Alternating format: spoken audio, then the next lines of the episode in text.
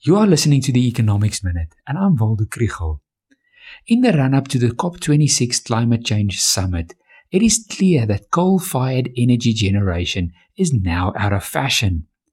But new research shows that cattle emit far more greenhouse gases than previously thought, and the most effective way to reduce your carbon footprint is to eat pork instead. The research shows that food production accounts for 24% of greenhouse gas emissions.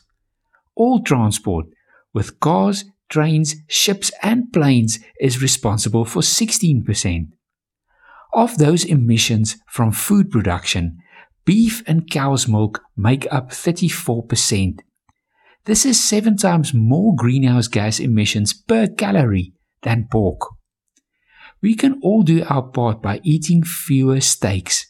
But fortunately, there is also significant development of plant based meat alternatives. International companies like Beyond Meat and Impossible Foods have their market shares growing, and they have important partnerships with McDonald's and Burger King. Meat grown in laboratories is also already available in high end restaurants. It's hard to imagine that the world will survive with fewer cattle and by eating less beef.